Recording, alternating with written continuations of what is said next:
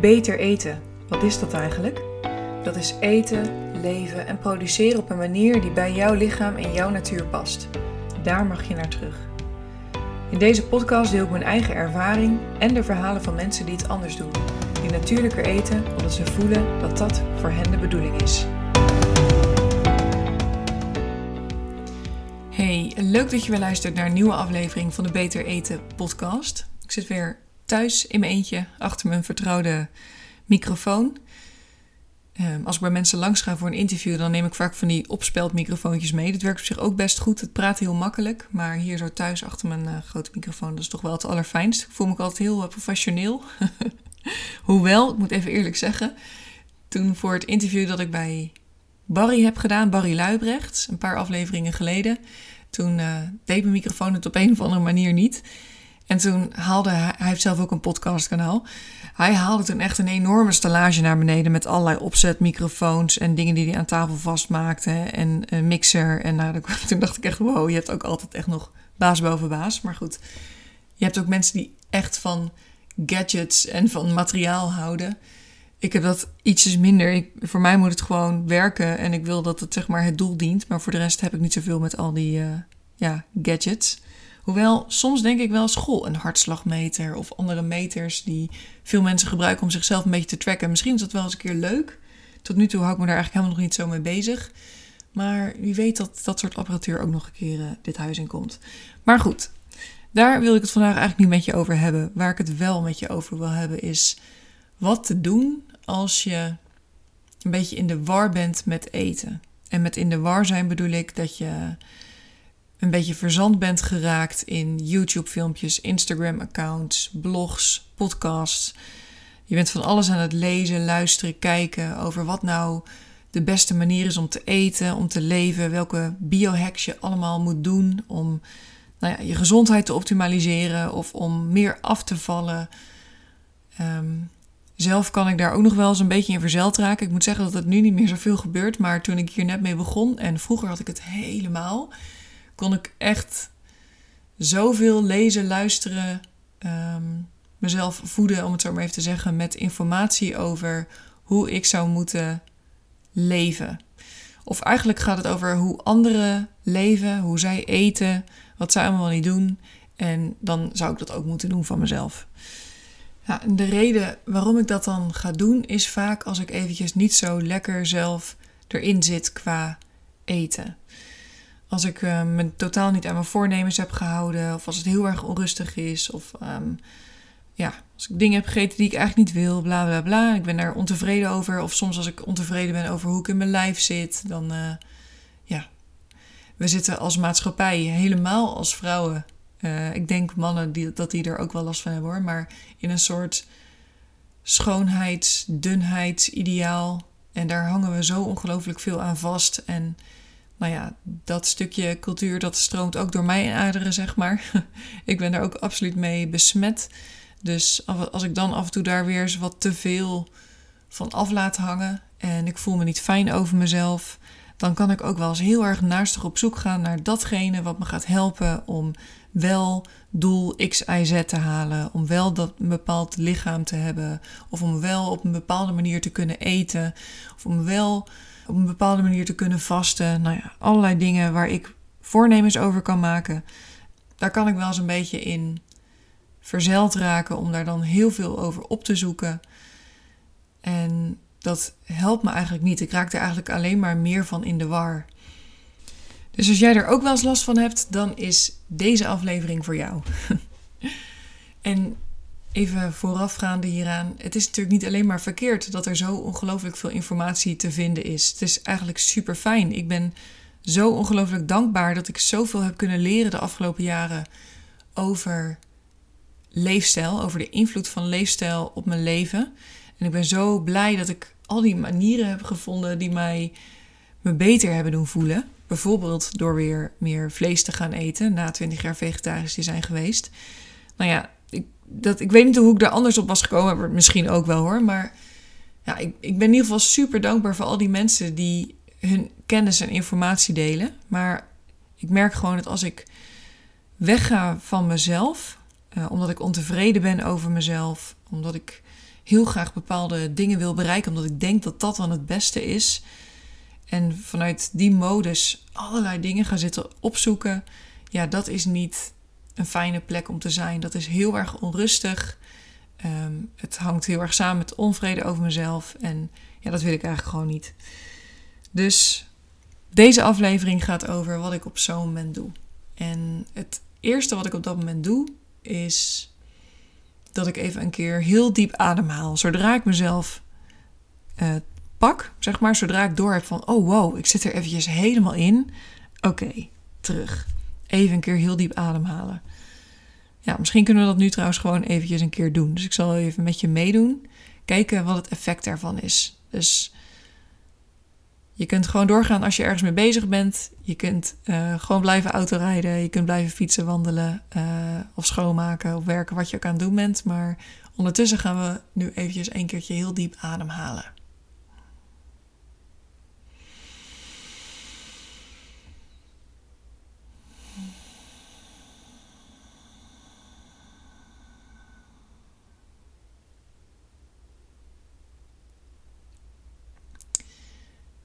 Wat zo'n diepe ademteug met mij doet, is dat het me meteen een stukje meer ontspannen maakt. En het haalt me even uit die enorme gedachtenstroom en die zoekmodus die er soms is. En vaak is één ademteug niet genoeg. Doe je dat even een paar keer. En je merkt dan dat iedere keer dat je ademhaalt, en vooral iedere keer dat je uitademt, ontspan je iets meer. En raak je iets meer verwijderd van die enorme gedachtenstroom en die ontevredenheid. Dus dat is eigenlijk stap 1. Als je merkt, wow, ik ben even helemaal in de war, ik ben helemaal ontevreden met hoe ik eet, hoe ik het vandaag of afgelopen uur of afgelopen weekend heb gedaan. Of als je helemaal in de YouTube-filmpjes zit en je wil er eigenlijk uit, maar je weet eventjes niet hoe.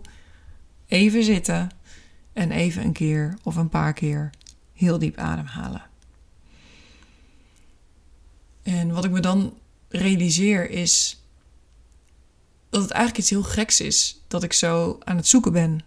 Als ik er soms over nadenk, volgens mij zijn wij het enige soort wat echt heel erg graag wil verbeteren. Zeg maar, ik heb niet het gevoel dat dieren de hele tijd bezig zijn met doelen stellen en ehm, ja, verbeteren, optimaliseren, ontevreden zijn met zichzelf, onzeker zijn, uh, het gevoel hebben dat ze iets anders moeten zijn dat doen wij alleen als mensen. En ergens geeft ons dat natuurlijk een hoop, want we kunnen daardoor ook verbeteren. We kunnen daardoor ons leven soms ook echt heel erg veel gezonder en fitter en fijner maken. En tegelijkertijd is het ook een soort val. En even een keer diep ademhalen helpt mij vaak weer om nou, uit die trap te komen van het anders willen hebben van mezelf en weer even wat meer bij mezelf aan te komen. Nou, als ik dat heb gedaan, dan ga ik mezelf vaak even een aantal vragen stellen. En de eerste is: als de situatie nu blijft zoals die is, als ik blijf zoals ik ben, als gewoon mijn leven blijft zoals het is, kan ik daar dan blij mee zijn? Kan ik daar tevreden mee zijn? En vaak is het antwoord: oh ja, natuurlijk. Natuurlijk kan ik nu blij zijn met mezelf. Natuurlijk kan ik nu blij zijn met al die supermooie dingen in mijn leven. En hoeft het eigenlijk helemaal niet anders. En als ik me dat realiseer, als ik me realiseer van, oh ja, het is echt al helemaal goed, ik ben echt al helemaal oké, dan ontspant mijn systeem nog meer. En dan kan ik ook pas weer helder voelen van, oh ja, waar, heb ik eigenlijk behoefte aan? Wat is eigenlijk nu nodig? Uh, in plaats van, wat zou ik moeten doen? Dus dat is een eerste vraag die ik mezelf stel. Ik weet het antwoord er ook eigenlijk altijd al wel op. En dat helpt me om nog eventjes iets meer in die ontspanning te komen en in de rust te komen. En dan ga ik mezelf de vraag stellen van, goh, waar komt het eigenlijk vandaan dat ik zo onrustig ben geworden? Uh, is er iets gebeurd? En soms heeft dat een hele aanwijsbare reden en soms ook helemaal niet. En er kunnen verschillende oorzaken zijn. Bijvoorbeeld dat ik te weinig heb gegeten. Dan ben ik toch weer iets te veel bezig geweest met vasten. Uh, of met uh, weinig willen eten. Of bepaalde doelen willen halen met eten. En dan heb ik misschien wel te weinig gegeten, waardoor later een soort onrust komt. En omdat ik best wel een geschiedenis heb met heel heftig uh, diëten en weinig eten en overgeven en al die dingen, heb ik het gevoel dat mijn lichaam daar nogal sterk op reageert. Dat als ik ga ondereten, dat er een soort paniekmodus aangaat, wat meteen dat wil inhalen. Misschien heeft iedereen dat wel hoor, maar ik heb het gevoel dat mijn lijf er best wel sterk op reageert. En vaak kan ik het wel terugleiden naar, oh ja, ik heb gisteren veel te veel gesport en te weinig gegeten, waardoor ik nu wat onrustig word. Ik moet eerlijk zeggen dat het laatste paar maanden uh, heel weinig voorkomt dat dat gebeurt. Ik denk ook omdat ik nu ja, zo vet adapted ben, dat mijn lichaam niet meer zo snel in paniek raakt als ik te weinig eet. En dat het veel makkelijker en veel langer zonder voedsel kan. Maar vroeger had ik nog best wel vaak dat dat echt uh, nou, voor heel veel onrust zorgde. En voor een soort eetbuien. Niet eetbuien in de zin van pizza, ijsjes, snoep eetbuien. Maar ik kon bijvoorbeeld heel veel pindakaas gaan eten dan. En eigenlijk had mijn lichaam dan gewoon dus behoefte aan vet. Omdat ik dat echt veel te weinig at. Dus als ik dan zo in die onrust terecht kwam rondom eten, rondom mijn lichaam, dan was een van de oorzaken vaak: oh ja, ik heb echt te weinig gegeten. En dan ontstaat gewoon die onrust. En ik merk dus ook hoe beter ik mezelf voed. En het heeft vooral met vetten en eiwitten te maken. Hoe rustiger ik ben.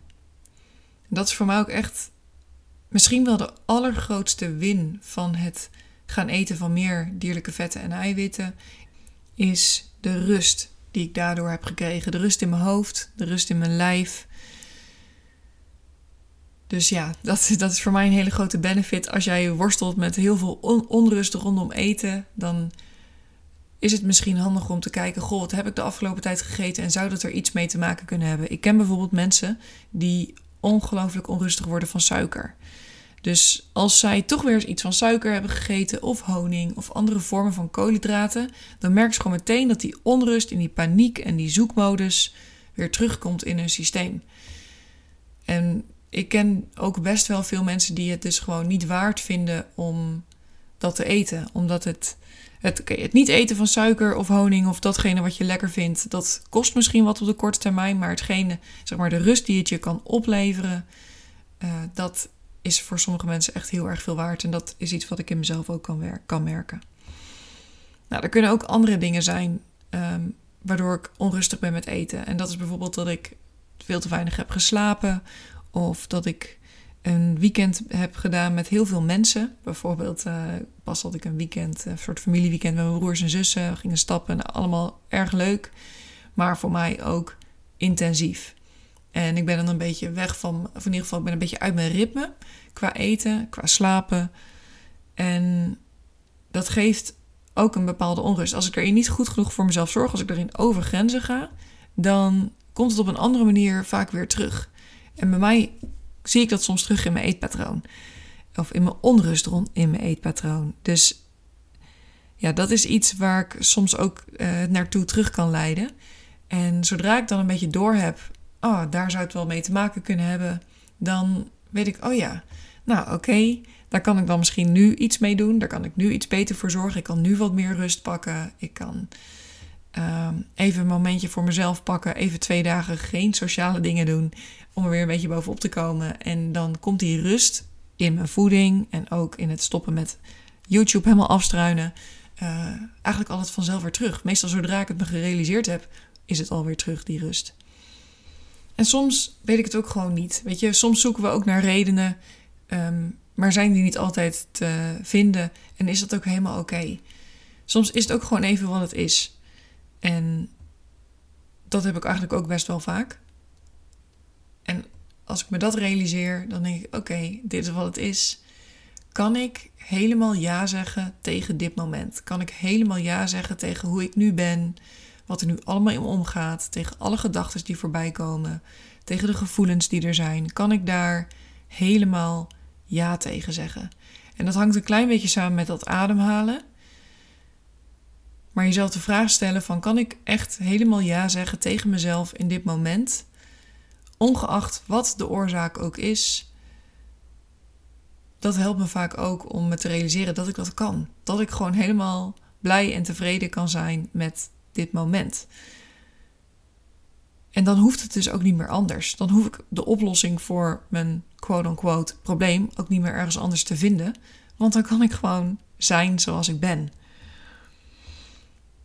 Nou, daarna ben ik dus vaak rustig en dan stop ik ook eventjes een tijdje weer met het zoeken van informatie. Ik moet zeggen dat ik de laatste tijd gewoon op een natuurlijke manier steeds minder op social media ben. Ik ben eigenlijk daar bijna niet meer te vinden. Het enige wat ik nog doe is deze podcast maken.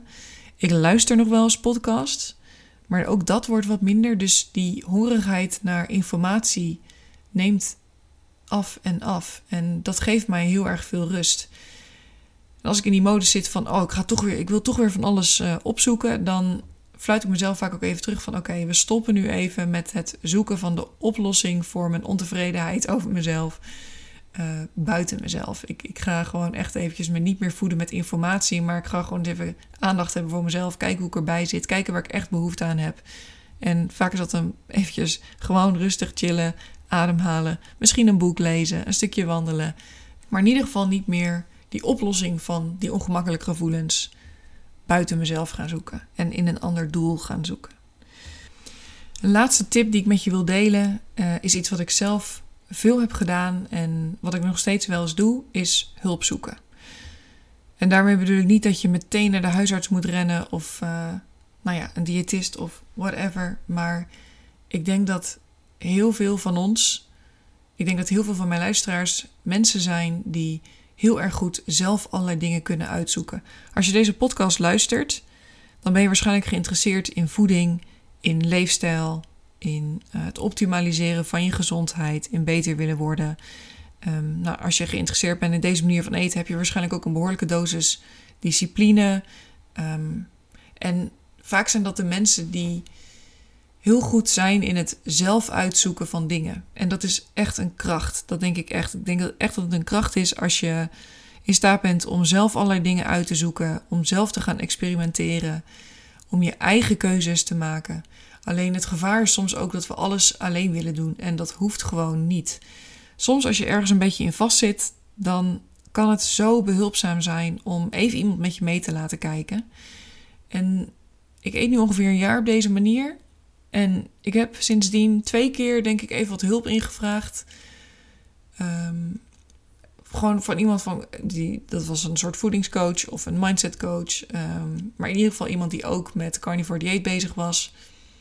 Om gewoon dus even te sparren over waar ik in vastliep. Want soms zag ik zelf door, de, door mijn eigen gedachten um, de oplossing niet meer, zeg maar. Door de boom in het bos niet meer. Maar zag ik gewoon door mijn eigen verstrikking en mijn eigen ah, ik weet het even niet en wat moet ik nou? En help, ik kom aan, oh help, paniek. Of oh help, ik haal mijn doel niet. Of oh help, ik kom met sport, verlies ik mijn kracht, bla bla bla. Nou ja, en dan even zo'n coachingscall heeft mij op die cruciale momenten echt onwijs veel gebracht. Want nu weet ik gewoon, ja, ik moet vaak gewoon eventjes wachten.